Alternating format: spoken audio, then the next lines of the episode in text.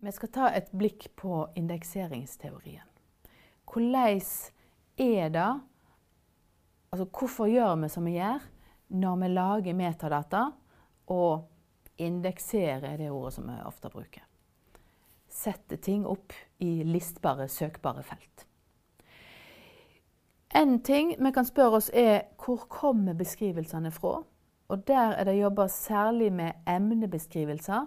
Hvor kommer de fra? På engelsk ordet, brukes ordet eh, belegg, nei, 'warrant'. Mens på norsk kan vi da bruke belegg. Hvordan, er, hvordan er vi belagt hvilke ord vi bruker og ikke bruker? Er ordene henta fra litteraturen?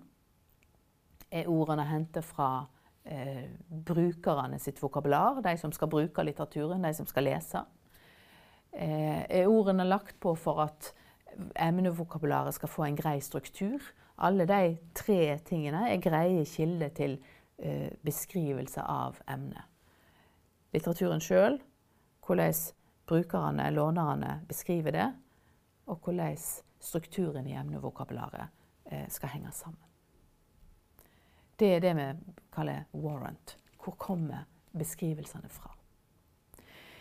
Så snakkes det litt om hva betyr det egentlig at et dokument handler om noe.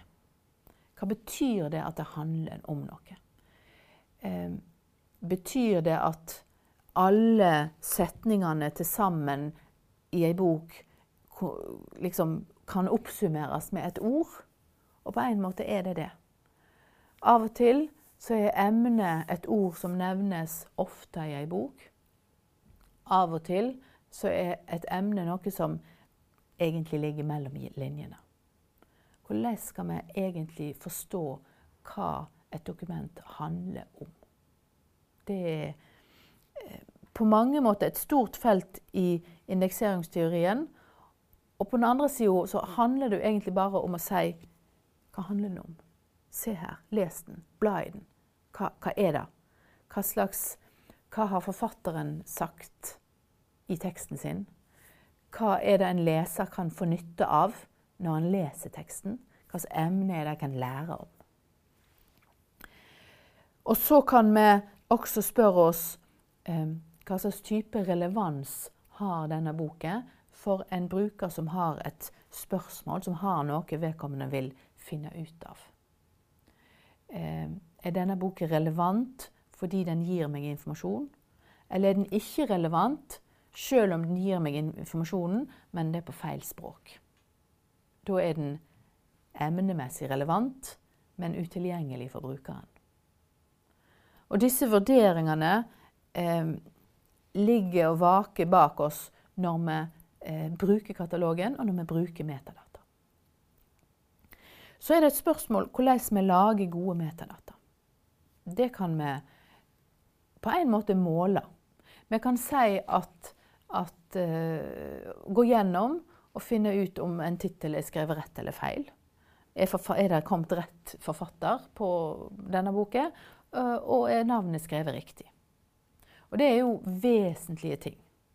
Og, og når vi vurderer kvaliteten på eh, metadata i den formelle beskrivelsen, så er det jo egentlig bare å spørre er det gjort riktig. Når vi skal vurdere emnebeskrivelser, emneord og klassifikasjon, så er det også et spørsmål å spørre seg er innholdet for dokumentet er emnet tolka riktig. Det er ganske enkelt hvis du har en bok med strikkeoppskrifter og sier at denne handler om strikking. Eh, der fins ganske mange andre emner som vi må mer tolke oss til. Hvordan er egentlig beskrivelsen? Og så er det også en vesentlig del av kvaliteten på metadataene om beskrivelsen er oppdatert. For noen år siden så ble det sånn at vi slutta å si sigøynere om ei folkegruppe, og begynte å kalle dem for rom eller romani. Og da må emnebeskrivelsen følge med. Og så må vi rett og slett oppdatere og endre, sånn at den nye betegnelsen er den som er synlig og dominerende i katalogen. Og så kanskje med henvisninger, sånn at hvis noen ikke er oppdatert og søker på sigøynere, så kommer de til den litteraturen som er eh, beskrevet med oppdaterte emner. Og så kommer det spørsmål som ja, hva med sigøynermusikk? Eh, skal den ha det samme navnet som før den sjangeren? Eller skal den også få et nytt navn? Hva skal vi gjøre med det? Og Det er en problemstilling som en bare må finne ut av. Kanskje sigøynermusikk forblir sigøynermusikk. Kanskje den er en sjanger som, som er etablert litt uavhengig av folkegruppa. Men det er en vurdering som en må ta når en har katalogen. Eh, I biologien så er det sånn at vi har artene klassifisert pent og pyntelig. Der, der har det vært gjort en jobb i biologi, de biologiske fagene sjøl på å beskrive dyr og planter i ulike eh, grupper. Alt etter hvilke egenskaper de har. Så er det jo kommet andre måter seinere som man kan inndele biologien etter. Man kan DNA-analysere, og man kan til dels få fram nye klasser med dyr på den måten. Og da er det et spørsmål skal det inn i klassifikasjonsskjemaet vårt. Så er det også et spørsmål når det gjelder biologi, om det er de biologiske prosessene som skal være det som er samla, eller om det er de enkelte artene. Hvis du er interessert i lungefunksjoner til pattedyr, så er det prosessen lungefunksjon du er interessert i. Og du vil egentlig ha alle pattedyrene samla under lungefunksjon.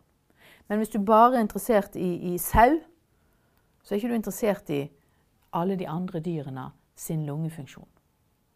Så hva det er du samler og sprer innenfor et fag, det knytter seg også til den kvaliteten vi opplever at vi møter i katalogen.